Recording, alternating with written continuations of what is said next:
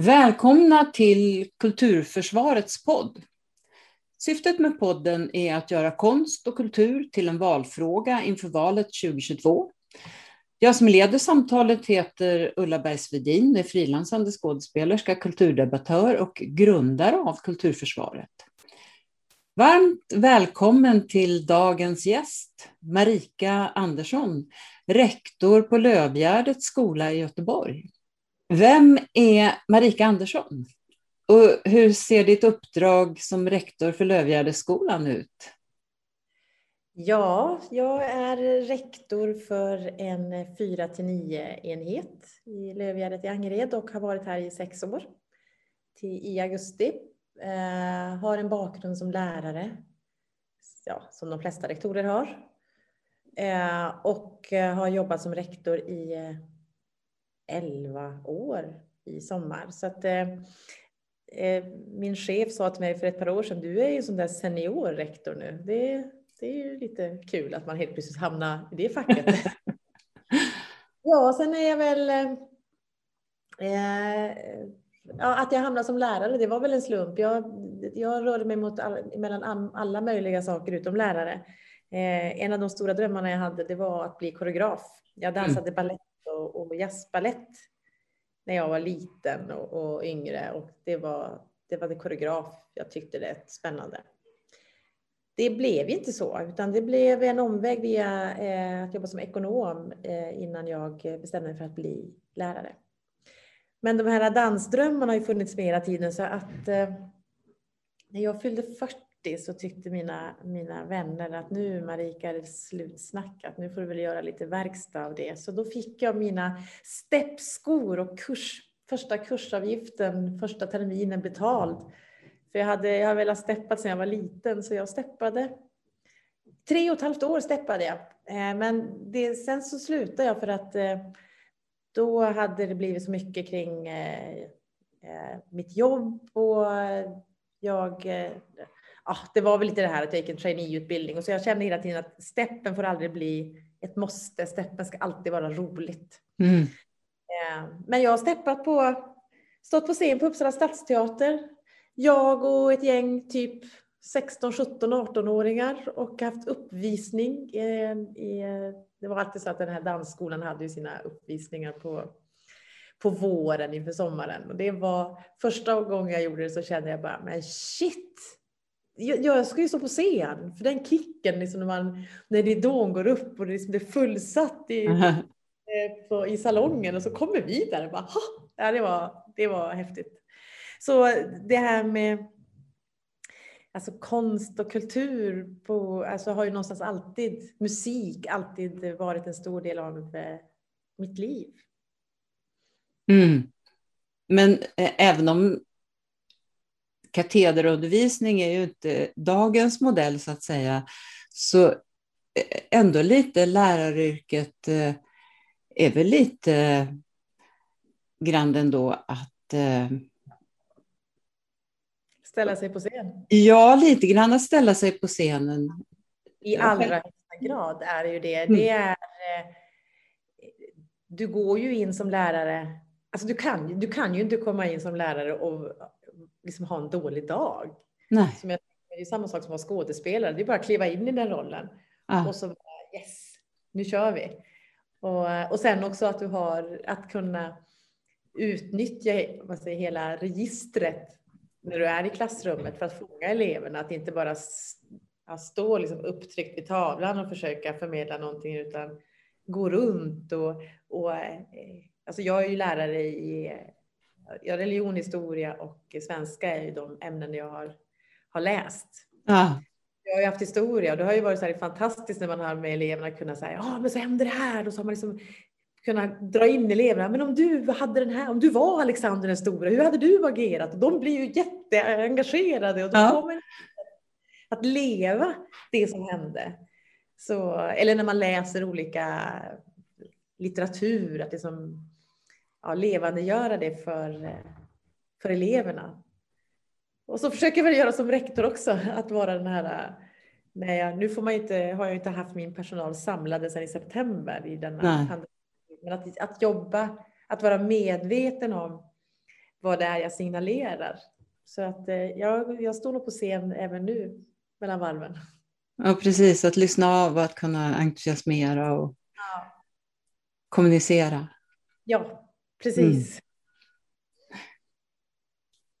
Syftet med den här podden är ju att göra konst och kultur till en valfråga. Varför anser du att det är viktigt att föra in konst och kultur i debatten inför valet 2022?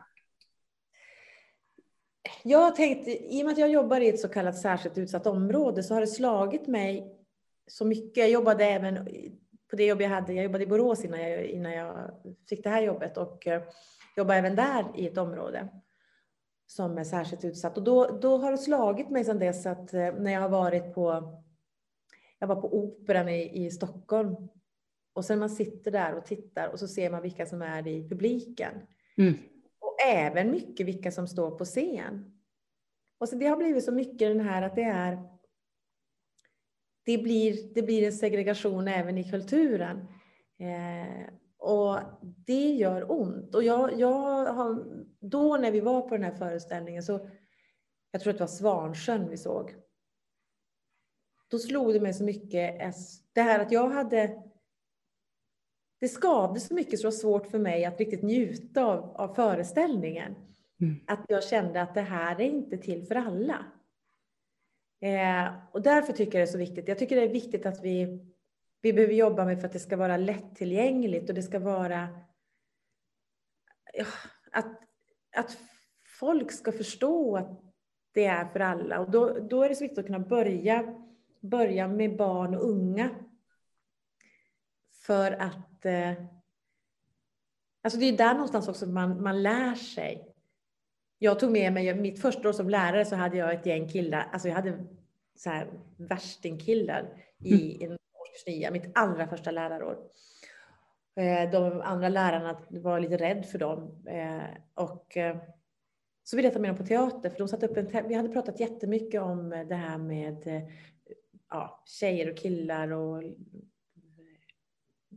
det här liksom att man, man, man kan inte bara gå och ta på tjejer hur som helst och alla sådana här eh, saker. Och så satte de upp en pjäs på, på Uppsala stadsteater som handlar om en tjej som blir våldtagen.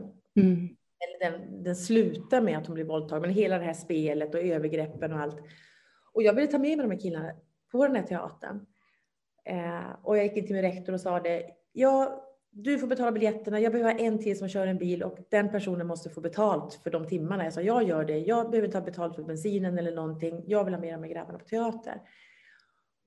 Och det var jättemånga som ifrågasatte det att, och frågade mig, vågar du? Jag bara, mm.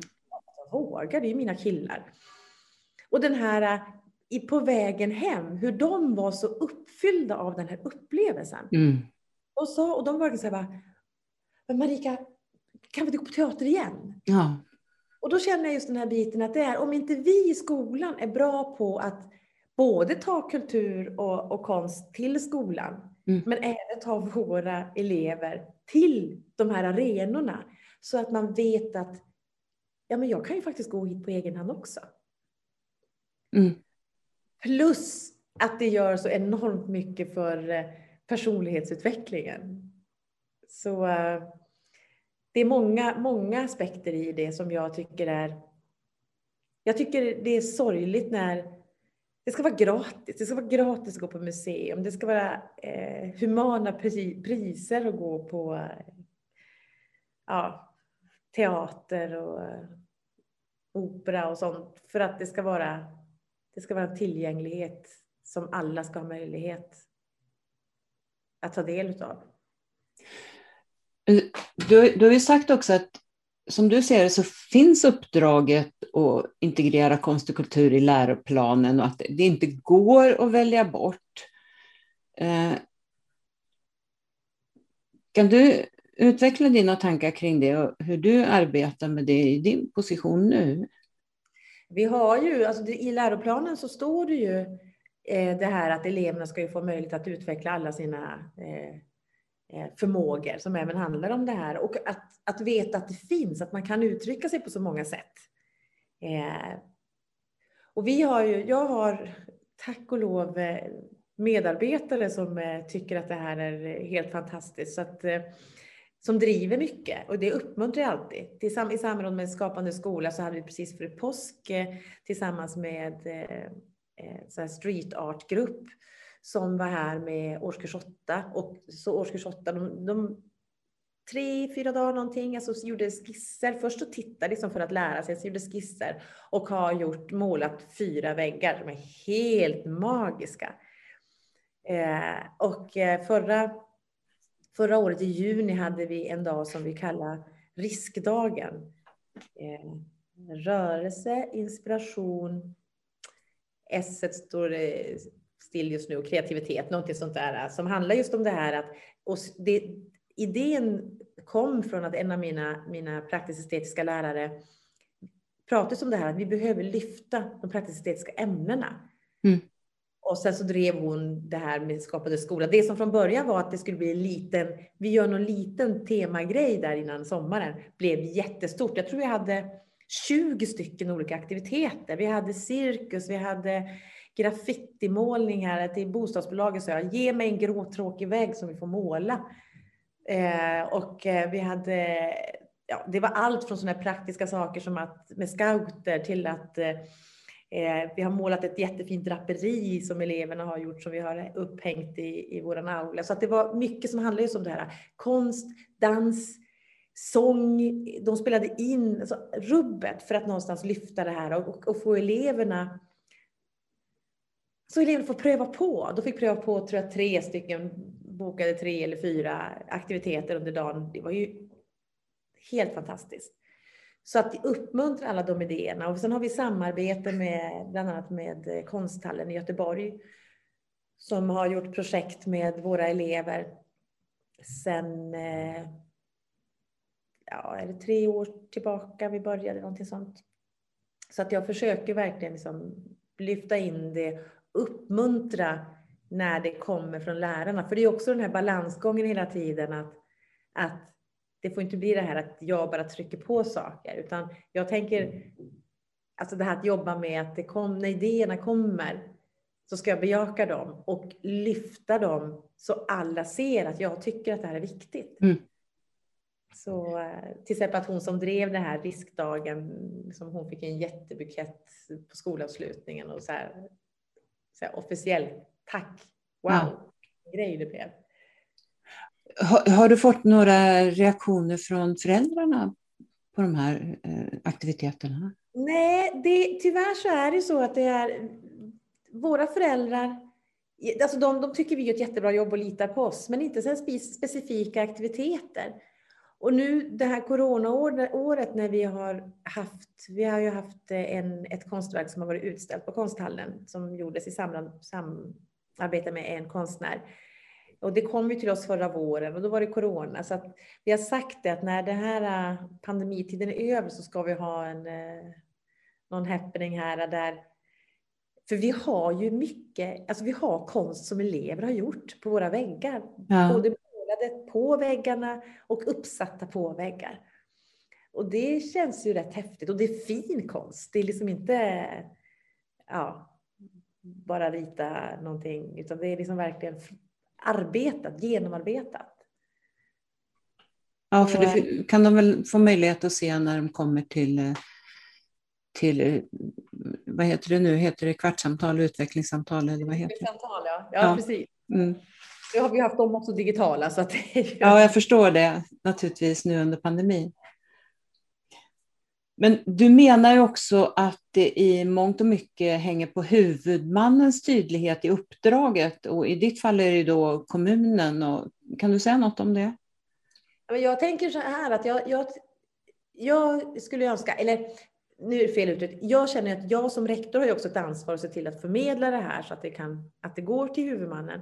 För att vi som vi, vi, är ju, vi är ju längst bort från allting i Göteborgs stad. Mm. Eh, Lövgärdet ligger ju så att det finns, det finns en väg till Lövgärdet och den slutar vid, vid en vändplats. Så du kommer liksom inte in till Lövgärdet från något annat håll än den vägen som tar slut. Så det är verkligen så här äh, världens ände. Mm. Bokstavligen.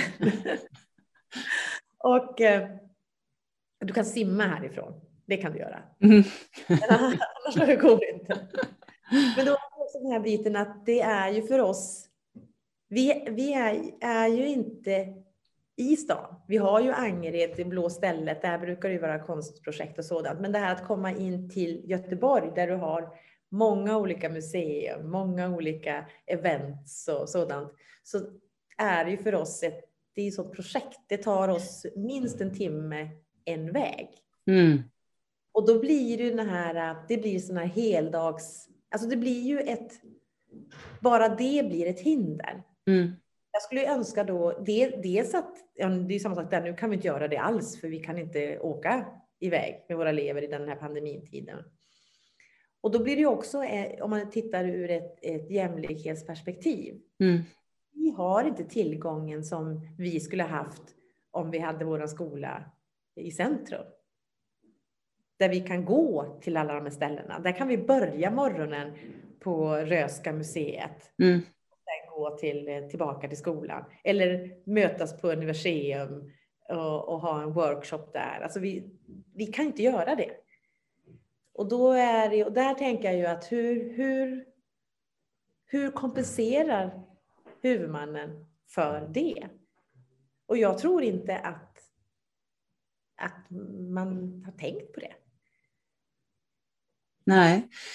Tror du att det, tror att det fungerar eh, på det sättet för, för, eh, för skolorna inne i stan automatiskt eller är det också en del av en del av att eh, skolan inte har, det, har de möjligheterna i stort så att säga. Det är nog eh, både och. Mm. Jag tror nog att det, det hänger, tyvärr så hänger det nog som så mycket annat på enskilda lärare eller enskilda rektorer. Jag vet att skolor i stan brukar träffas ibland, alltså, eller skolor ska vi säga, men lärare möter upp eleverna mm. utanför på morgonen, att vi ses mm. där och så gör vi det här och sen så går vi till skolan. Det vet jag förekommer, men hur frekvent det är, det vet jag inte. Nej. Men jag tror att överhuvudtaget är det är ju återigen det här sätt, sätts det på agendan. Mm. Då händer det någonting. För det, det, kräver ju ändå så att säga att, att eleverna är, har kommit en bit eh, upp i klasserna ändå för att det ska fungera. För du, du har ju också talat om att det är eh, viktiga delar när det gäller integrationen till exempel, att ha de här förutsättningarna för att ge eleverna tillgång till konstnärliga upplevelser eller andra arenor till exempel då, som är viktiga för integrationen. Kan du utveckla det lite? Är ett, eh, med konsthallen ett projekt, det var det första projektet som konsthallen gjorde här med oss och då var det elever som gick i, jag kommer inte ihåg om de gick i fyran eller femman då, jag tror att de gick i mm. fyran åren i fyran. Och då eh, så skulle de, eh, det var ett, ett projekt där de skulle spela in film på eh, temat eh, vänskap. Mm. Och då blev det en, liksom, en filmfestival utav det. Så det. Och då var det, det var tre elever från oss och sen var det elever från andra skolor i, i stan. Som var en, en, den här man säger, projektgruppen som eh, jobbade med konstnären i stan och sen ut till skolorna och så tillbaka. Och sen så var det då en vernissage. Och då var det de här gruppen som hade jobbat ihop under några månader. Som, eh, som var de här, jo, de gick i fyran, femman, sexan kanske några, alltså sammantaget i, av de här eleverna som var med. Som ledde, alltså som var moderatorer under den här eh, vernissagen och eh, intervjuade andra elever när de berättade om sin film och sådant. Och då, då blev det så tydligt att det här, det där är ju integrationsarbete på riktigt. Mm. Att man, man samlas runt någonting som inte har, det är ingen etnicitet, ingen kön, ingenting. Det finns inga sådana märkningar i det här filmprojektet. Mm. Och eh, då blir, då blir man, vi är ett vi som jobbar med ett projekt som handlar om att vi ska, det här filmprojektet och vi ska filma och vi ska, det ska mynna ut i den här vernissagen och vi ska planera vernissage, vi ska planera hela arbetet, välja ut filmer, hela den biten. Och det blir så tydligt att det är det här, det är det här som är integration. Mm. Så att eh, jag tror att det finns jättemycket att göra kring det här, att hur skulle vi kunna samarbeta? Men då är det ju tyvärr så att då handlar det så mycket om de här avstånden som är så pass långa, de fysiska avstånden. Sen Mm. har vi avstånden då som är i och med att det är så segregerat. Mm. Men framförallt de fysiska avstånden. Mm, du pratade också att det borde kunna finnas någon instans som servade så att säga både skolan och eh, kulturområdet med till exempel transporter och så för att, eh, för att underlätta just när man inte bor nära eh, institutioner och fria professionella grupper. Och också ha det här. Vi har ju haft under åren jag jobbar här så har vi ju haft eh, jag menar, det har, vi har haft teaterföreställningar på skolan. Vi har haft flera konstprojekt på skolan. Mm. Och det är ju jätteroligt och jättespännande och eleverna får ju jobba, alltså får ju utvecklas i det. Ja. Till exempel det här som var före påsk. Som, och eleverna känner ju det. Att det är roligt och det är spännande. Och när man får se resultatet och bara wow, det här har vi gjort.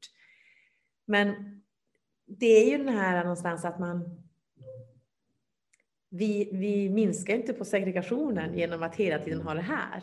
Mm. Utan det är ju hela tiden att hur, och det är ju också, jag tänker ju också det här att man ska, i den bästa världen så ska, skulle jag ju vilja att, att, att jag har en organisation som är så pass eh, personaltät så att det finns möjlighet att ha Tänk att ha personal vars jobb är att åka besöka de här bitarna. Alltså Mm. de ska göra liksom för en och då kunna ta, för att det är ju så. För somliga elever kan inte åka 20 stycken tillsammans. Nej. Det kan vara två där som tycker det här blir jättejobbigt. Mm. Men då, de kan åka två stycken med en vuxen. Mm. Eller fem med två vuxna. Och så kan man verkligen prata om det här och träna på det. För det, det är också så viktigt tänker jag att de eh, det kan ju finnas lärare som kan känna att de är osäkra att åka iväg med en klass för de vet inte hur de ska sköta sig när man kommer iväg till, en, eh, till ett museum till exempel. Men åker man, åker jag ensam med två, då kan ju hela vägen dit så kan man prata om det. Vad är det ni kommer få uppleva? Mm. Och vad förväntas av oss när vi kliver in där? Mm. Så att man ger de här möjligheterna att de får träna på det. Man glömmer lätt att det finns vuxna som kan känna en väldig osäkerhet också inför att ta sig in på en opera till exempel eller att gå till något okänt ställe. Varför skulle barn inte känna samma osäkerhet? Och det var, såg jag ju då när de här eleverna hade den här vernissagen med filmprojektet. Mm. Då var ju inte våra föräldrar där. Nej. Och jag sa till lärarna, men ingen av våra föräldrar, de hade fått information om att det skulle vara vernissage. Men sen visade det sig att de visste inte att de fick komma. Nej, just det. Och då är det ju bara det, det gör ju att vår kommunikation också handlar om att du är välkommen. Ja. Eh, har du inte varit där förut, men vi kan organisera det så att eh, jag möter upp dig. Om du tar Mm. spårvagn hit så finns jag där och möter upp dig. Mm. Och så går vi tillsammans. Så det finns mycket att göra i, eh, både på skolan men också i, i, alltså i områden där man kanske inte... Det, det kan ju vara människor som kommer från länder där konst och kultur verkligen är någonting för överklassen. De privilegierade. Och absolut ingenting för, för dem själva, att man inte är van vid det. Ja, det kan ju verkligen fungera så. Jag har ju själv spelat i olika stadsdelar i Göteborg där vi haft barn och unga ändra med eller involverade i aktiviteter kring våra föreställningar. Och det har ju verkligen fungerat så att då har deras föräldrar och släktingar kommit. Då har vi fått en helt annan publik. Det var ju enormt givande. Jo, men det är ju det. De vill komma och titta på sina barn. Ja. Mm. Fantastiskt, ska jag vilja Mm. säga. Ja. Du, du har sagt att du skulle vilja att den uppdelning som finns mellan teoretiska och praktisk estetiska ämnen som finns borde tas bort och att istället borde talas om ämnen kort och gott. Och där har du också stöd i forskningen. Mm. Varför tycker du och forskarna så? ja, jag kan ju tala för min sak i alla fall. Nej, men jag, jag har tänkt jättemycket på det och, och egentligen så började jag väl tänka mycket på det kanske först när jag började jobba här. För att jag har, jag har ju alltid tyckt att de här ämnena är viktiga och på den förra skolan jag jobbade på så hade de ämnena ändå rätt hög status på skolan. Eh, och jag, min erfarenhet har varit att eh, genom åren så har ju ändå de här ämnena, elever som kanske haft svårigheter i säg, matematik och svenska, har kunnat briljera i bild. Eh, och det har kunnat vara någon slags frizon att få jobba med händer, få jobba med kroppen och, och så. Och så satt jag och pratade med, med eh, en av mina lärare, ja, hon som drar igång eh, konstprojekt här på skolan. Mm. Hon, eh, och så satt vi och pratade om det, att den här upplevelsen som de lärarna som undervisar i de här praktiskt estetiska ämnena kan känna att till och med kollegor kan nedvärdera ämnena. De kan höra från, från elever på utvecklingssamtal som säger att, att eh, någon lärare kan ha sagt att eh, ja, men, gå bara dit. Det är inte så svårt att få ett E. Det är inte alltså att man någonstans förminskar ämnets betydelse. Och så började vi prata, hon och jag, om det och då, och då bara slog det mig att varför i hela friden pratar vi om teoretiska kontra praktiskt estetiska ämnen? Mm. Det är ju mm. fullständigt hål i huvudet. För att det är också det att alla ämnen innehåller ju någon form av praktik. Mm. Och alla ämnen innehåller ju någon form av teori. Mm. Och då blir det så här att vi har, vi har 17 ämnen i skolan, punkt. Mm. Och bland de ämnena så har vi bild, hem och konsumentkunskap, musik och så vidare. Och vi har matte, fysik, mm. svenska. Så eh, ja, och jag, tror ju, jag tror ju jättemycket på språkets förmåga att få våra hjärnor att tänka om, att vi är mm. i språket. Tar vi bort de här definitionerna, det är inte så att det ska försvinna över en natt, men hur vi pratar om ämnena så sker det ju i förlängningen förändring i människors medvetenhet kring ämnena och hur man förhåller sig till dem. Man kan ju bara titta på en sån konstnär som Leonardo da Vinci. Mm. Och så kan man ju fundera över matematik. Precis, det är ju ett jättebra exempel. jag tänker också titta på ämnet svenska, jag som är mm. svensklärare. Jag menar, hur mycket skapar vi inte i svenska? Ja. Vi skapar poesi, vi skapar skönlitteratur, vi, vi skapar, alltså vi har, eh, håller tal och, och alltså, det är hur mycket skapande som helst. Och så säger man att det teoretiskt ämne. Ja, precis. Och allt detta tal om det viktigaste är att lära sig språket. Men konst och kultur, det behöver vi inte bry oss om. Nej. Mm. Nej, det är jätteintressant det där. Det är, eh, jag jobbade ju på eh, ett gymnasium. Det var ju när fortfarande estetisk verksamhet var eh, obligatoriskt för gymnasiet. Mm. Och då hade vi, när vi skulle ha, det var, det var när de gick i ettan, det låg i ettan då, för den, vi hade ju de teoretiska ämnena då, eller kurserna. Mm. Och i och med att jag då hade haft en dramagrupp och eh, dansat och så där så frågade min eh, rektor, för vi startade ju en skola så det var liksom 37 elever och, och, tre lärare och rektor. Så det var ju inte så att det är klart att det saknades ämneskompetens i vissa, alltså för den formella ämneskompetensen. Och då frågade han mig, men Marika kan du ha, hålla i estetisk verksamhet? Ja, kan jag väl. Eh, och eh, för det första så var det så vansinnigt roligt att se all kreativitet som fanns hos eleverna och alla resultat som kom av det. Men då en av, en av de här eleverna, när hon gick ut, alltså tog studenten, eh, en eh, naturvetare med ambitiös tjej med höga betyg, så säger de, vi sitter och pratar bara, ja, säg att det kan vara en månad kvar till studenten, och då säger hon det att den absolut liksom bästa kursen där hon har upplevt att hon har utvecklats bäst, mest som människa, det var estetisk verksamhet. Mm. Och då var det ju ändå en pyttekurs, jag tror det var 50 poäng. Så det var ju verkligen en liten kurs. Men då blev det för mig så här, just den här, där sitter en 19-åring och mm. kan känna att det här jag gjorde som 16-åring, det mm. utvecklade min personlighet och mig som mm. människa. Och, sen så, och vad gjorde ni där då? Nej, de fick, eh, och det var också så roligt för när jag skulle ha den här, presentera för dem kursen. Mm. Och eh, nu kommer jag inte ihåg exakt, det här är ju, är ju ganska många år sedan. Men eh, jag gav dem, det var liksom ramen var ju tydlig, men där i ramen så fick de ju deras konstprojekt var det jättestor frihet med. Och det var, det var liksom allt från att någon gjorde, de gjorde någon sån här eh, koreografi, dans, någon skrev en egen eh, text och, och musik till en låt och eh, någon annan gjorde något fotoprojekt. Så att de hade väldigt, väldigt fria händer i vad de skulle göra i själva konstprojektet. Och sen var det ju en teoretisk ram i det som skulle presenteras. Självklart de skulle skriva, skriva om processen och sådana här bitar kring det. Mm. Det var ju så intressant också att följa varför väljer du det här? Hur var det? Ja.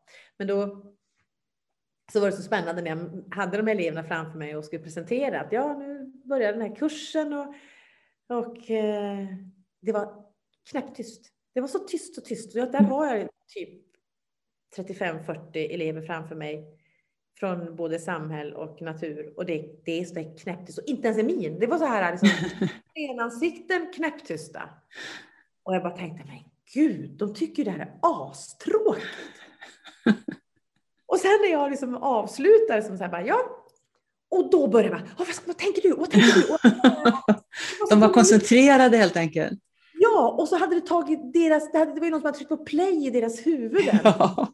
Den här känslan när jag hör och det de börjar prata och är direkt. Vad är det för någonting du vill göra? Vad ska jag göra? Det var häftigt. Du, eh, du, du har ju gjort eh, en hel del sådana här eh, saker. Du gjorde bland annat ett försök under en lektion i en nionde klass som du skulle ha om första världskriget som jag också tyckte var väldigt innovativt. Kan du inte berätta om det? Ja, jag vet, jag gjorde, det som är så spännande med den här nionde klassen, det var att, eh, ja, för det första så handlade det om att när jag gick lärarutbildning så var jag, för mig har det varit mycket, redan när jag pluggade, att eh, mitt mål är ju att eleverna ska någonstans lära sig att tänka själva. Och jag hade en tanke då att när de går ut nian, eller går i nian, då ska jag bara kunna säga eh, första världskriget. Och de ska veta vad de behöver liksom hur de ska börja tänka. Mm. Och då hade jag haft en, en liksom lektion inför det här och sa att nu ska vi börja med första världskriget. Ni kommer vara indelade i grupper. Jag hade liksom visat de här grupperna. Ni kommer, vi, skulle, vi hade hela terminen om krig och fred. Så de skulle liksom, visst de här grupperna ska ni jobba med hela terminen och, och ja, massa saker runt omkring. Och sen så lektionen efter så skulle de få sin första föreläsning, om man säger så, inför det här. Och då hade man haft ett matteprov innan och matteläraren hade sagt till mig då innan att det kan vara så att provet drar ut på tiden så det blir kanske lite drop-in på din lektion. Ja visst, okej, okay, så jag. Så jag hade bara skrivit första världskriget på tavlan och så droppade eleverna in. Eftersom de satte sig liksom där, började samlas i grupper och, och jag hör hur det pratas och, och jag tänker väl, de snackar väl om matteprovet eller om eh, någonting de har tittat på tv eller vad som helst och så börjar jag gå runt. Och då pratar jag, ja, men, eh, varför blev det krig? Och så börjar de, då hör jag att de pratar om det vi ska göra. Mm. Och då bara känner jag, yes, jag har lyckats. det var sån, det var sån här, eh, aha. Sen så var det också väldigt roligt med just den här nian, för då hade jag jobbat mycket. Eh, jag hade dem från sjuan till nian och vi jobbade mycket med olika redovisningsformer. Mm. Att vara kreativ. För det var också min målsättning att under åren så ska de få ett smörgåsbord så att de ska känna sig trygga i att ja, men jag, vill, jag vill göra en traditionell redovisning där jag står och berättar om det här eller jag, jag vill eh, spela teater eller någonting. Och i den här, eh, det, det, hela den här, den här terminen om, om krig och fred, så när de jobbade med mellankrigstiden så har jag då en, eh, en grupp som var så här oerhört kreativa. Så de, när de lämnade in sin, sin redovisning, de flesta lämnade ju in och hade skrivit ett PM eller något sånt där, mm. mera traditionellt. Men den här gruppen, de kom med ett video, det var ju på den tiden, det är så många år sedan, ja. och lämnade till mig. Varsågod. Jag bara, okej. Okay.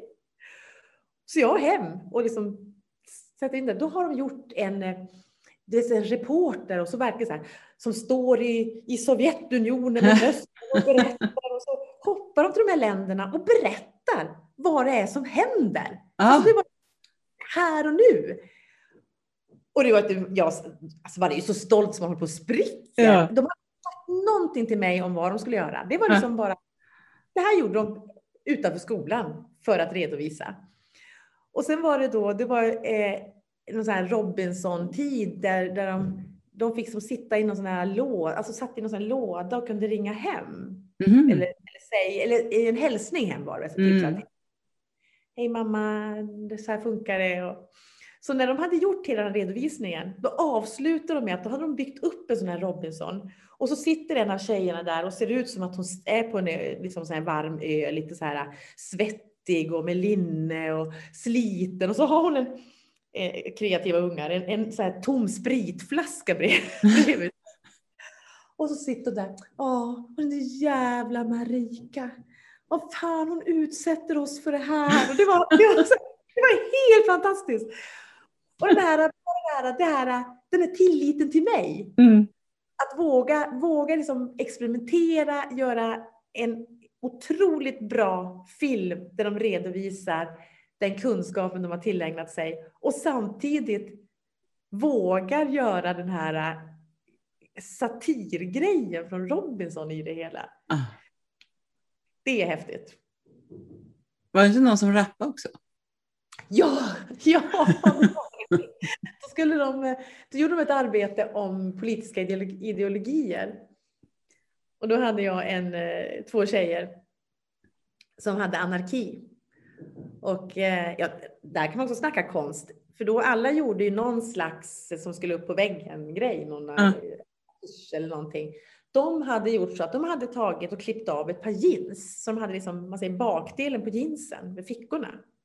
Och där i hade de skrivit liksom anarki och så någonting. Så man drog upp såna här liksom, lappar och där stod fakta. Så där Ah. den stod upp på väggen. Det var så innovativt. Och sen när de ska börja redovisa så eh, trycker de på liksom, play på bandspelaren och sen går de där liksom, och verkligen så här anarki, anarki och bara över golvet. Och, jag var ju så här, och, så hade, och så rappar de ju fakta. Sen så gjorde de ju mer fördjupad fakta efter det. Alltså det var så häftigt. Jag har många sådana här upplevelser. Jag hade en annan elev, det var när jag var på gymnasiet. Då ska jag, jag hade kursen skriftlig och muntlig kommunikation i svenska C. Och då var det en... eh, Oj, nu är det någon som bankar. Eh, och så eh, när han skulle... Alltså de hade fantastiska muntliga pres- presentationer. Precis alla elever. Men den här killen, när han ska presentera så kliver han fram. De skulle göra ett hyllningstal. De, de fick göra hyllningstal till allt. Någon gjorde om farmor, och någon om jultomten och någon, alltså ett hyllningstal till någon. Han sätter sig på katedern med gitarren och sjunger ett hyllningstal till Amélie från Montmartre. Ja.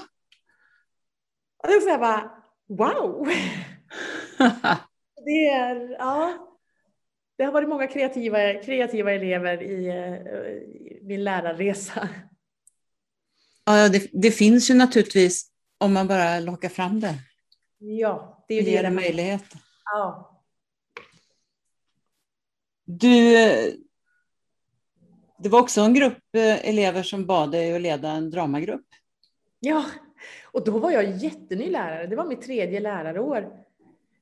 Eh, och jag hade varit på den här skolan mitt första lärarår och sen var jag på en annan skola. Och sen kom jag tillbaka till den här skolan och så kommer ett gäng elever. Bara, Hej, vi vill ha en dramagrupp och vi vill att du ska hålla i den. Och jag, jag har aldrig spelat teater. Jag typ när man var, gick i sexan kanske, man var med i en sån här, men inte något professionellt eller någonting annat. Så eh, jag sa till dem bara, okej. Men jag ställde eh, kravet på att det skulle ligga utanför deras skoltid. Eh, men på min arbetstid. Och jag hade, jobbade, det var på måndagar vet jag, då slutade eleverna klockan två och jag hade arbetstid till fyra, halv fem eller vad det var. För jag ville att det, det är de, de ska vilja vara med. Det ska inte vara jag smiter från lektionen med. Och vi satte ju upp helt fantastiska eh, pjäser och shower och under. Jag jobbade där i sju år tror jag. Och dramagruppen levde i sju år. Var, var var det här någonstans? I Tierp utanför Uppsala. Och ja, jag hade ett till krav också, för arbetslagen på den här skolan jag jobbade på hade, skolan hette Aspenskolan och arbetslagen var alltså trädet, alltså från roten, roten, plantan, nej plantan, roten, stammen och så vidare. Så att eh, vårt arbetslag hette Månen. Mm. Och då sa jag till, också till de här eleverna att eh, ja, dels att det skulle vara då ligga utanför deras skoltid och att jag fick kalla mig konstnärlig ledare för Månens dramagrupp. Tjusigt! Eller hur? Ja. så det var... Och om man då pratar om det här med hur konst och kultur, teater, hur det utvecklar människor, så utvecklade det ju mig enormt. Ja. Jag var ju regissör i sju år. Det var ju, alltså det var ju verkligen ashäftigt. Vad jag lärde mig mycket. Hur var det med föräldrarnas engagemang där? Vi hade kvällsföreställningar någon gång, annars så var det ju mest i skolan som vi spelade.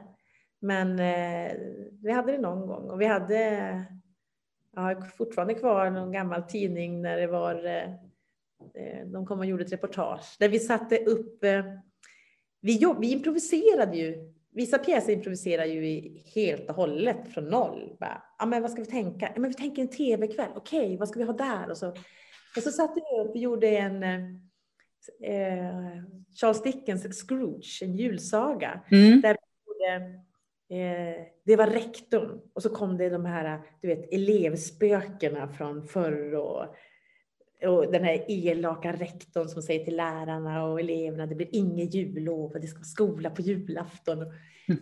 Ja, den var en succé, den var så bra. Det var, eh, och, vi var, och sen hade vi mycket, jag hade elever som du vet, ville dansa, sjunga, så vi gjorde mycket sådana. Så vi hade julavslutningar och sommaravslutningar, det var, det var våra. Och vi mm. tränade, tränade, tränade, tränade. Ja, det var så roligt. Men sen, men sen, har du också regisserat dina kollegor inför en happening och som ni var modiga nog att visa för era elever. Kan du berätta om det? Ja, ja, det var faktiskt väldigt roligt. Jag, I det här arbetslaget, det var också i Tierp, så hade kommit vår arbetslagsledare när vi skulle ha eh, arbetslagsmöte och där hade de haft ledningsgrupp och eh, skulle vara eh, någon sån här för alla elever eh, årskurs. Det var nog högstadieeleverna. Det var ju en F-9 skola, men det var alla högstadieelever som skulle ha något eh, event i våran eh, aula. Och vi hade ju, det var ju en biosalong, så vi hade ju flera hundra fick plats där, så det var ju liksom fullsatt när alla var där. Och då fick eh, alla lärarlag i uppdrag att, eh, att de skulle göra någonting för eleverna. Och då säger eh, vår arbetslagsledare att men Marika, du håller ju på med drama och så där. Kan inte du göra, hitta på någonting då för oss? Och då eh, hade jag redan haft en idé som hade liksom, ja, som hade legat hos mig länge. Så jag, sa, jag ställde frågan till dem. Jag gör det, men då måste jag först ställa frågan, kommer ni att ställa upp på vad jag än ber er göra? För jag måste ju veta det först. Mm. De bara, ja, vi litar på dig. Du får, du får bestämma och vi gör. Och då spelade jag in ett potpurri med musik. Med, eh, där vi börjar och med eh, Josefin Nilsson, eh, Älska mig. Och sen så däremellan hade vi, spelade, hade jag låtar som på olika sätt hade med skolan att göra. Efter plugget, ABC och, och Magnus Ugglas, Jag skiter i allt och, och sådana låtar. Och sen så regisserade jag då eh, mina kollegor i det här att spela liksom de här karaktärerna på något sätt och vi hade lite dans. Men det, vi börjar med då att en av mina, mina kollegor, hon hade verkligen klätt sig så här nästan karikatyrfröken med knytblus och den här kjolen. Hon stod med en portfölj och så, och så spelades då den här Älska mig och, och det var ju liksom, vi mimar ju till texterna. Mm. Och så stod med flera hundra elever bara. Se mig för här är jag. Och hela hon där. Låt mig få komma nära. Och så kom det det andra som det, och sen så när avslutade vi med att alla klev upp. Alla vi lärare liksom då på scen och så var det Josefin Nilsson igen och då var det verkligen det crescendot bara. Älska mig för den jag är. Alltså alla. Och det var, det var så häftigt att se de här lärarna och de var, jag var, jag var på scen på slutet, annars så var det mm. de som var på scen. Och eh, när en av lärarna som gick i pension bara eh, några år senare, hon var och klippte sig samma dag och hon klippte sig hos min, eh, där min kompis jobbade som frisör. Eh, och hon, hon kom alldeles lyrisk och sa det att Marika har fått mig att göra någonting jag aldrig trodde jag skulle våga. Mm. Och det är sån här, ja men se vad det gör med människor. Mm. Ja, det, var, det är häftigt. Och eleverna var väldigt nöjda också. Ja, det var ju taket att sig, att se oss. Ja, det, var, ja, det är så häftigt. Det är verkligen... Ja, och att man visar, man visar ju också någonting till eleverna. Vi gjorde andra sådana saker, lärarna. Vi körde karaoke jag och en kollega stod med, med morgonrockar. Jag vet inte varför vi hade morgonrockar, det förtäljer. Men vi stod i alla fall i morgonrockar och typ papiljotter i håret och så sjöng vi karaoke till den här eh, Jag vill vara din, ska du veta. jag vet inte varför den låten och jag vet inte varför morgonrockarna. Men det var i alla fall vad vi gjorde. Så ja, men det är nog viktigt att man, att man deltar, att man inspirerar. Och våga visa att man kan göra bort sig. Man behöver inte vara bäst på att sjunga eller dansa, man kan mm. stå här och göra det i alla fall. Ja, ja du, du har ju sagt att det finns så mycket krav idag på lärare som kan utgöra hinder för att våga tänka fritt och pröva idéer av rädsla att göra något som blir fel eller inte passar in i direktiv och som man kan kritiseras för. Var, varför tror du att det har blivit så? Ja, jag tror nog inte bara. Jag tror nog att det är många med mig som kan se hur, eh, ja, sen början på 2000-talet, hur liksom, det drevs ju en politik eh, om att eh, eh det var en flumskola och eh, det nu ska liksom, det ska vara krav och, eh, och på något sätt så, det var ju media också, så det vändes ju och skolan fick ta, ta skuld för så mycket. Mm. Alltså eleverna, allt från att, att eleverna inte kan läsa till att de inte kan simma, till att de, de äter fel mat, till att de eh, håller på med sociala medier på sätt som inte är okej, okay, så har ju skolan någonstans fått, fått bära det ansvaret och bära skulden för att inte har lyckats. Och sen har ju kommit också det här allt ska mätas, det ska vara kontroll och att man, man dokumenterar för någon annan. Mm. Jag menar, när jag jobbade som lärare, jag dokumenterade ju självklart. Mitt minne hade inte kunnat hålla alla elever i huvudet. Men jag dokumenterade ju för elevernas skull och för min skull. Mm. Eh, men det har blivit så, sån formalia så att det, det har ju Alltså skolan och lärarna har ju, alltså den här rädslan av att, att göra fel. Man går och anmäler till Skolinspektionen innan man går och pratar med skolan. Alltså det blir sån, ett sånt klimat. Nu, tack och lov, så vänder det ju igen och det känns ju jätte, jättebra. Med den nya läroplanen, eller kursplanen bland annat också. Men, och sen också den här att eh, det här att man inte, ska man göra någonting med eleverna som är utanför, eh, man säger det, utanför ramarna, eller kvällstid och sådant, så är det ju också så, det sån, man ska verkligen se till att man har ryggen fri, för annars så kan man bli anmäld. Alltså det finns en, alltså när jag började jobba som lärare så då, då åkte ju lärare iväg med elever. Och man, man tänkte att ja, men jag kan åka och åka skridskor en kväll, det gör ingenting man la det inte som, man gjorde det på sin förtroendetid och så var det inte mer med det. Mm. Att man har någonstans blivit, vi har satt upp ramar och tanken, det är klart tanken är god, man ville höja professionaliteten och allting, men när man har missat, alltså istället för att stärka lärare så har vi gjort att vi har fått en rädd lärarkår, som tack och lov är på väg att vända. Mm. Eh, är jättebra. Nu, bör, nu är det ju lärare tar debatten, rektorer tar debatten och ställer sig rakryggad. Men, eh, Och att inte hinna med. Mm. Tror jag också. Att vi har haft en kursplan som har varit mycket det här att, att det har varit så stoffträngsel. Så det funnits en rädsla för att ja, men om jag gör det här, då hinner inte jag med det här. Mm. Det saknas behöriga lärare på många håll. Beror det på den här bristen på tillit från samhället och lärare att den finns, tror du? Ja, men jag tror ju det, att man har någonstans eh, det, man har ju, alltså, det har inte varit så attraktivt att utbilda sig till lärare mm. under många, många år. Och sen så har väl, där kan jag ju säga att där har ju eh, regering och riksdag svikit väldigt mycket. Jag menar, jag, jag tog min lärarexamen 98. Då pratade man om den här, när det ska komma de här stora pensionsavgångarna och lärarbristen ska komma. Mm. 98, det är ju en evighet sedan. Varför gjordes ingenting 98? Mm. Och så har det varit hela tiden. Så jag tror ju också det här, för idag har ju ändå lärare, idag är lönerna skapliga som var mycket, under en tid så pratade vi mycket om att det mm. var så låga mm. Men lönerna har ju liksom eh, stigit. Mm.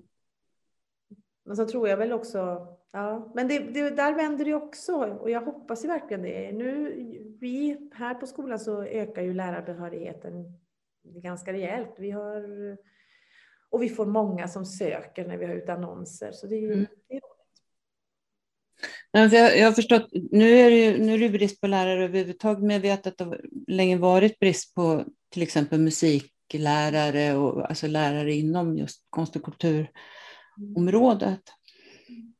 Men hur ser du på att vi lever med två skolsystem kan man väl kalla det i Sverige, ett kommunalt där det finns oerhörda krav, som du säger, just på redovisningar, medan det i ett antal skolor bara finns ett krav och det är vinst till aktieägarna och att aktiebolagslagen då hindrar insyn från skattebetalarna? Ja, jag, jag blir ju nästan bara förbannad när jag tänker på det här. Igår var det en artikel i ETC om eh, vinstdrivande, vinstdrivna företag.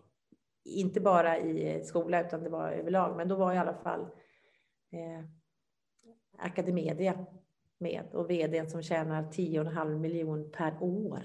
Mm. Av genom skattepengar. Ja. Det är för mig en, det är för mig en eh, gåta att det kan hända i ett land som Sverige. Ja. I bara i ett land som Sverige dessutom ja, numera. Bara i ett land som Sverige mm. dessutom. Chile ett tag, de tog sitt förnuft till fånga. Jag tycker det är så fruktansvärt och intressant, för det är just det att det handlar om våra barns rätt till en skolgång som möter deras behov, mm. oavsett vilka det är. Mm. Och så sitter det människor och hovar in miljontals kronor i sina mm. fickor. Nej, jag, jag tycker det är vidrigt. Men jag är väldigt, väldigt glad över att nu verkar det som att eh, även, jag menar, även Stefan Löfven står på första maj och säger att det här måste vi få stopp på. Mm. Och jag, där säger jag ju tack till alla dessa, jag menar jag har rektorskollegor som driver frågan på mm. sociala medier, skriver artiklar, böcker och andra skolmänniskor som verkligen tar sig tid och granskar det här. Mm. För eh, vi, vi, kan ju inte ha, vi kan ju inte låta alltså flera hundra miljoner försvinna från skolorna. Nej, det vill jag ha bort. Ja, och när, när dessutom en sån eh, skolägare inrättar en egen professur som sedan delas ut via en högskola, då blir man ju mörkrädd. Ja, för det som händer där, det, det som oroar mig, det är ju, det är ju liksom våran, eh, alltså, det är, för mig är det en demokratifråga. Mm. Det handlar ju om eh, ja, yttrandefrihet och eh, hela den biten. Och vem mm. är det som ska forska? Precis. Alltså någonstans ska, forskningen ska ju vara fri. Precis. Jag tycker det är, eh, jag, jag tycker det är vidrigt att vi har ett sådant samhälle som eh, där man kan driva offentlig verksamhet och tjäna pengar på det. De här friskolornas arbetsgivarorganisation Almega har ju i sitt remissvar till likvärdighetsutredningen skrivit att det är en svår etisk fråga att om elever till föräldrar som bidragit till att finansiera välfärden ska tvingas stå tillbaka för elever till föräldrar som inte bidragit till att finansiera välfärden eller som till och med är en kostnad för välfärden. Din skola ligger ju i det som kallas ett socioekonomiskt utsatt område och är alltså en av de som pekas ut här om vi ska tala klartext. Vad tänker du om det? Ja, jag blir ju så, alltså när jag läste det där så, eh, ja, ja det är sån unken människosyn som man blir ju illamående. Eh, vi har en, eh, ett av alla våra konstverk vi har på skolan, så har vi en, som graffitikonstnärer har gjort. Vi har en lång vit vägg i korridoren som är hit mot eh, expeditionen där jag sitter. Och det var en sån här lång tråkig vit vägg. Eh, mina första år här och jag, jag ville ha eh, att den ska, jag ville ha dit graffitikonstnärer som gör en, som alltså ritar en, en ett konstverk som symboliserar en elevs studieresa. Alltså från ja. en elev till studenten. Den är helt fantastisk. Och där har vi ett citat eh, som, eh, där det står det är viktigt för mig att det går bra för dig. Ja. Det är ju det det ska handla om. För att den här, den här människosynen, för det första så har man bestämt sig för att det finns olika sorters människor och de människorna, och det är olika sorters viktiga människor. Och så har man inte förstått att ska vi ha ett bra samhälle så är det viktigt för mig att det går bra för dig. För annars blir det inte bra för mig heller. Exakt.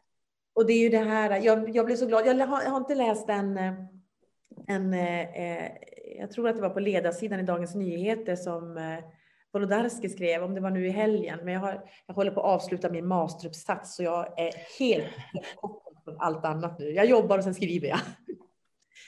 Men där han sa någonting om att eh, det, krävs, eh, det krävs solidaritet för, för frihet eller för demokrati eller någonting. Och jag bara kände så här, wow!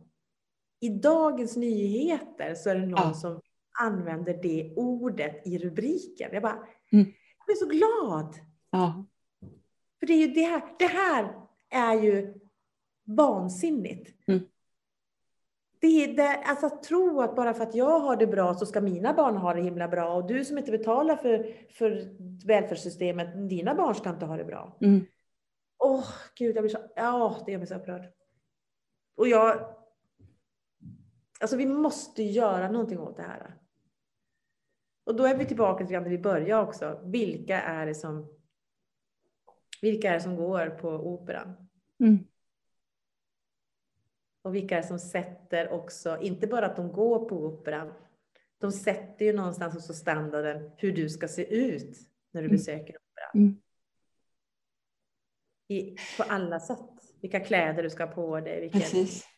Nej. Men där är det också, där, där har ju också, eh, inte minst Göteborgsoperan har gjort ett stort omfattande arbete för att, eh, för att eh, öka tillgängligheten, vidga vidga publiken så att säga, gjort ett medvetet riktat arbete. Eh, hur det ser ut på Stockholmsoperan, det, det kan jag inte uttala mig om faktiskt, men, men jag vet att både Konserthuset här som jag har samarbetat med och eh, Operan har arbetat väldigt medvetet med det och jobbat med just skolor och eh, också överhuvudtaget eh, haft anställda som har jobbat eh, för att vidga deltagandet och det tycker jag är väldigt eh, glädjande. Det är ju jätte, jätteviktigt. Det tycker mm. jag också. Har varit på Operan med eh, elever mm. när jag jobbat här. Mm. har vi varit där. Du, Lövgärdeskolan har på kort tid förbättrat sina resultat avsevärt. Vad är det som har gjort att det har hänt? Du beskriver i en intervju att det handlar om en systematisk översyn av helheten och då även rasterna. Eh, kan du berätta om arbetet för att fler elever ska lämna skolan med godkända betyg? Ja, vi har, alltså vi har ju verkligen jobbat, man säger, min, min roll från början, eller den roll jag tog, det var ju verkligen att nu, vi måste börja med arbetsorganisationen.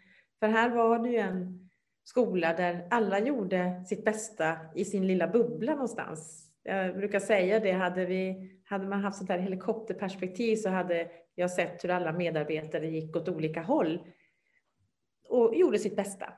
Eh, så att till att börja med så handlar det om att vi måste ju rikta blicken åt samma håll. Jag har använt liknelsen att vi är på väg till Maldiverna genom åren. Mm. Från den första gången jag sa det. Jag sa, den här båten går till Maldiverna. Thailand är ett fantastiskt resemål, men då måste du byta båt. För här ska vi till Maldiverna. Och då, satte, då var det flera som bytte båt. men, men eh, några var kvar och fler har vi blivit. Eh, och just den här tydligheten att det är hit vi ska. Och sen att sätta den här bottenplattan och då hela tiden jobba för att eh, de här eh, man säger, ledstängerna ska sitta på plats. Vissa saker ska du inte behöva tänka på. Du ska veta, ja just det, när jag ska kontakta de här, eller skriva på det här sättet eller göra det här, då är det hit jag ska gå. Eh, och så ska du kunna lägga energin på att utveckla undervisningen. Eh, vi har jobbat mycket med eh, liksom, hur vi designar lektionerna. Hur ser lektionsstarten ut?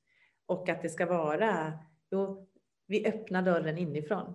Som lärare ska du vara först i klassrummet och öppna dörren inifrån. Och eh, välkomna eleverna, stå där och ta emot eleverna. Vi samlar in mobiltelefonerna.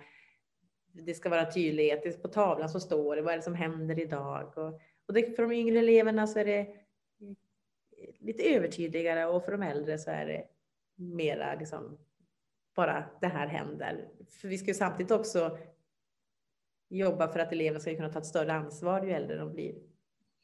Så vi har jobbat och sen fokus på, på undervisningen. Att vi har, jag säger det att, det är att vi har ett professionellt uppdrag och det är, det, det är elevernas lärande och kunskapsutveckling.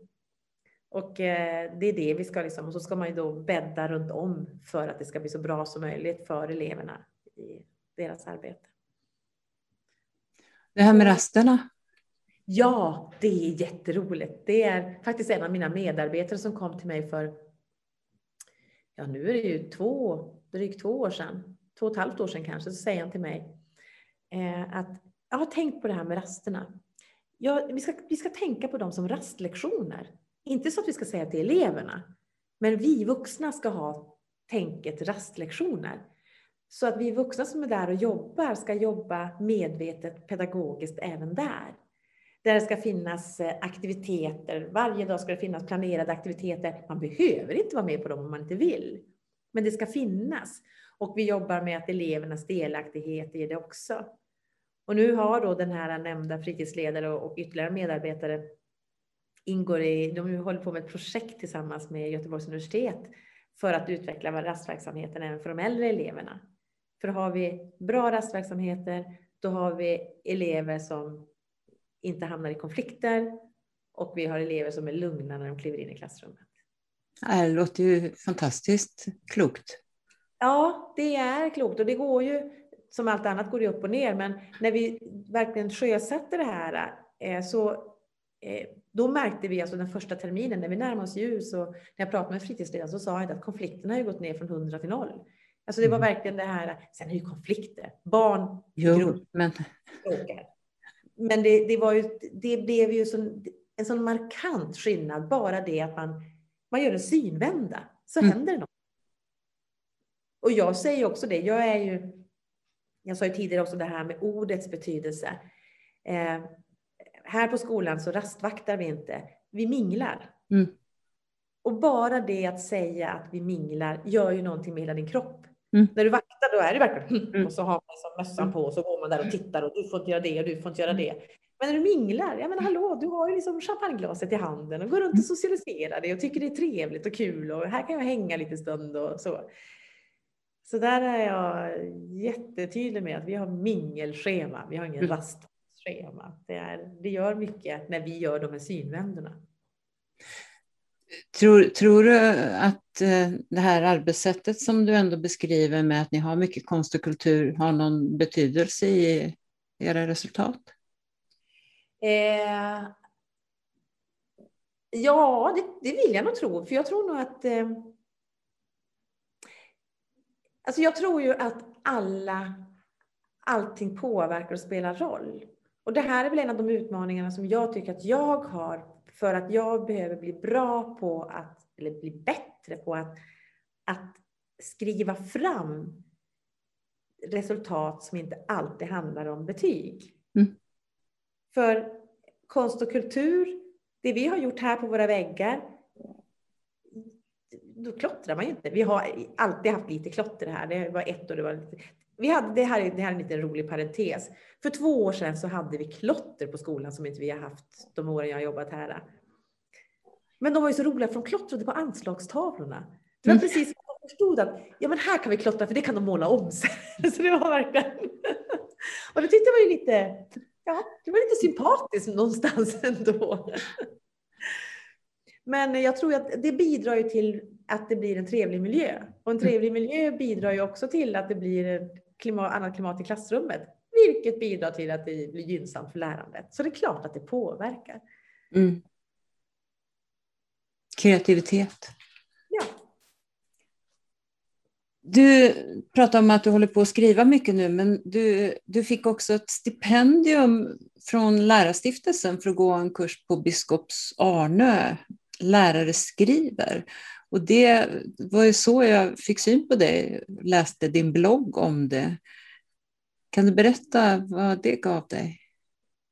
Alltså jag har ju eh, alltid, alltid, alltid tyckt så mycket om att skriva och har skrivit mer eller mindre eh, och eh, mer eller mindre mycket under ja, alla år. Och så när den här, eh, det dyker upp, det var precis vid jul, så dyker upp det här att eh, lärare skriver och jag sa, jag är ju rektor och så gick jag och verkte på den där över jullovet och så tänkte jag, vad är det värsta som kan hända? Det är att de säger att nej, du är rektor, du får inte vara med och leka. och så, så skickade jag in en ansökan och motiverade varför. Och så skulle det, i slutet på mars skulle man få besked. Och då sitter jag, jag och min dotter på väg upp till Gällivare eh, och sitter, har precis bytt tåg i Boden. Och så kom jag på att men gud, det är ju idag. Och tar fram min telefon och så har jag fått en mejl. Och jag bara, jag har fått, jag har fått. Men det var, det var, alltså det var så häftigt att få, alltså bara den här, få vara en vecka i den här kreativa miljön. Och att vara, att skriva och läsa upp och läsa varandras texter och och eh, bara få tips och tankar kring, eh, kring skrivandet. Eh, nej, det var jättehäftigt och jag, jag ville ju gå en skrivarkurs igen redan förra sommaren, men det kom liksom en pandemi. Mm. För då, den här skrivarkursen handlar ju mycket om, då var det fokus mycket på att kunna skriva mera argumenterande texter och, och, eller opinionsbildande texter i, i blogg, debatt, alltså mycket sådana. Eh, men även berättande texter, men inte skönlitterära. Men även om, även om det var så får man ju tips till det skönlitterära skrivandet också. Så eh, jag vill gå en skrivarkurs och skriva skönlitterärt också. Det blir nästa. Men jag tycker det är, eh, det, det var helt, helt fantastiskt. Ja, du har skrivit en väldigt fin berättelse om från när du anlände och din vistelse där. Ja.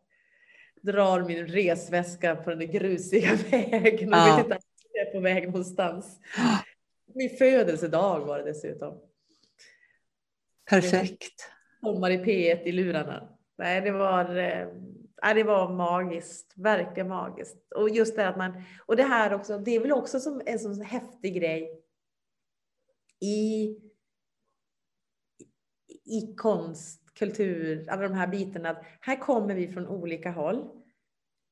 Och ja, vi, vi vet, vi presenterar ju oss att eh, det var eh, ett gäng lärare och så var det jag som jobbade som rektor.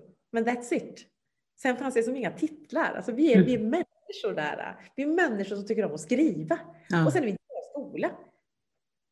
Så att det är ju så att eh, ja, en av dem har jag mycket kontakt med fortfarande och de andra har man ju emellanåt. Men mm. eh, det, gav, alltså det gav vänner och det gav skrivlust. Så det var häftigt. Härligt.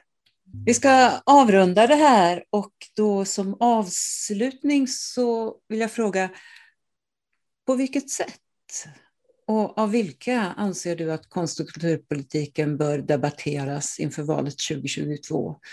Så att det som står i alla de här vackra kulturplanerna blir tydligt. Att konst och kultur är viktigt för såväl samhälle som medborgare. Ja, det så tycker det är viktigt att eh, ni som jobbar med konst och kultur gör era röster hörda på samma sätt som jag tycker att vi som jobbar i skola ska bli bra på att göra våra röster hörda. Men sen tycker jag det är jätteviktigt att eh, alltså ansvariga politiker vågar liksom ta debatten med de som vet. Jag kan ju tycka ibland, jag har ju blivit inbjuden i eh, jag var, var inbjuden till Aktuellt till en debatt här för ja, det, ja, ett och ett halvt år sedan eller två år sedan eller sånt där. Kring, det hade precis kommit ut en rapport om med mobbing i skolan och så bjuder de mig och ordförande för Sveriges elevråds centralorganisation. Det är väl jättebra. Men jag sa det, jag pratade med program, programledaren efteråt och sa det att varför bjuder ni inte in en ansvarig politiker som får möta mig? Jag menar, det här är ju inte... Jag menar, han och jag tycker och tänker lika. Mm. Och så har han en helt annan erfarenhet. Han, är, han, är, han har erfarenhet, erfarenheter från att vara elev. Mm. Jag har erfarenheter från att leda skola. Och det är samma sak här. Jag tänker att det är så viktigt att det är rätt ansvariga personer som, eh, som tar debatten. Och självklart sådana som, som vi också. Som jag som jobbar i skolan, som jobbar mm. med att eh, utbilda barn. Det är klart att vi också ska göra det. Det vore ju verkligen önskvärt att det var fler som, eh, som var med i debatten. Och även från flera politiska områden än kultur. För det är precis som du säger, det är ju lätt att det blir vi som, som är överens, som pratar med varandra. Och så blir det då ja, kulturministern som står där mm. och det är väl. Men eh, i alltså den, den, eh, den regering vi har idag så är det Stefan Löfven som är ytterst ansvarig. Var är han i debatten? Alltså det är, någonstans så är det lite grann i, man behöver ibland eh, rikta frågan. Det är, en parentes bara till exempel, jag hade ett samtal med en av gruppledarna för ett parti här i Göteborg för någon månad sedan och pratade om lite grann eh, kring hur vi tänker att jobba med inför valet här i Lövgärdet. Och så blev det, men det finns ju många lokala politiker i Angered och jag bara, ja, de vill vi också ha med. Men vi vill ha politikerna från stan, de som sitter på de högsta positionerna.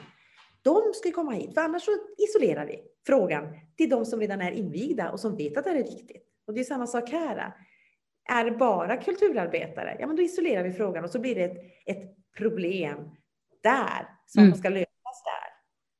Därför är det ju viktigt att övriga jag, jag, jag borde kanske ta debatten där också. Vi skulle välkomna dig, Marika, med öppna armar. Det kan tack. jag säga. Stort tack, Marika, för att du ville medverka. Tack själv, det var intressant. Och tack för att ni lyssnade. Den som vill veta mer om kulturförsvaret och om kommande poddar kan gå in på kulturforsvaret.se. Poddarna hittar ni på sidan och där poddar finns. Om ni vill gå med i vår Facebookgrupp, då är det bara att gå in och ansöka om medlemskap på sidan. Gruppen är öppen för alla som är intresserade av konst och kultur och tycker att det är viktigt att konst och kultur och fri press och media diskuteras på samma villkor som andra politikområden inför valet. Tack och på återhörande.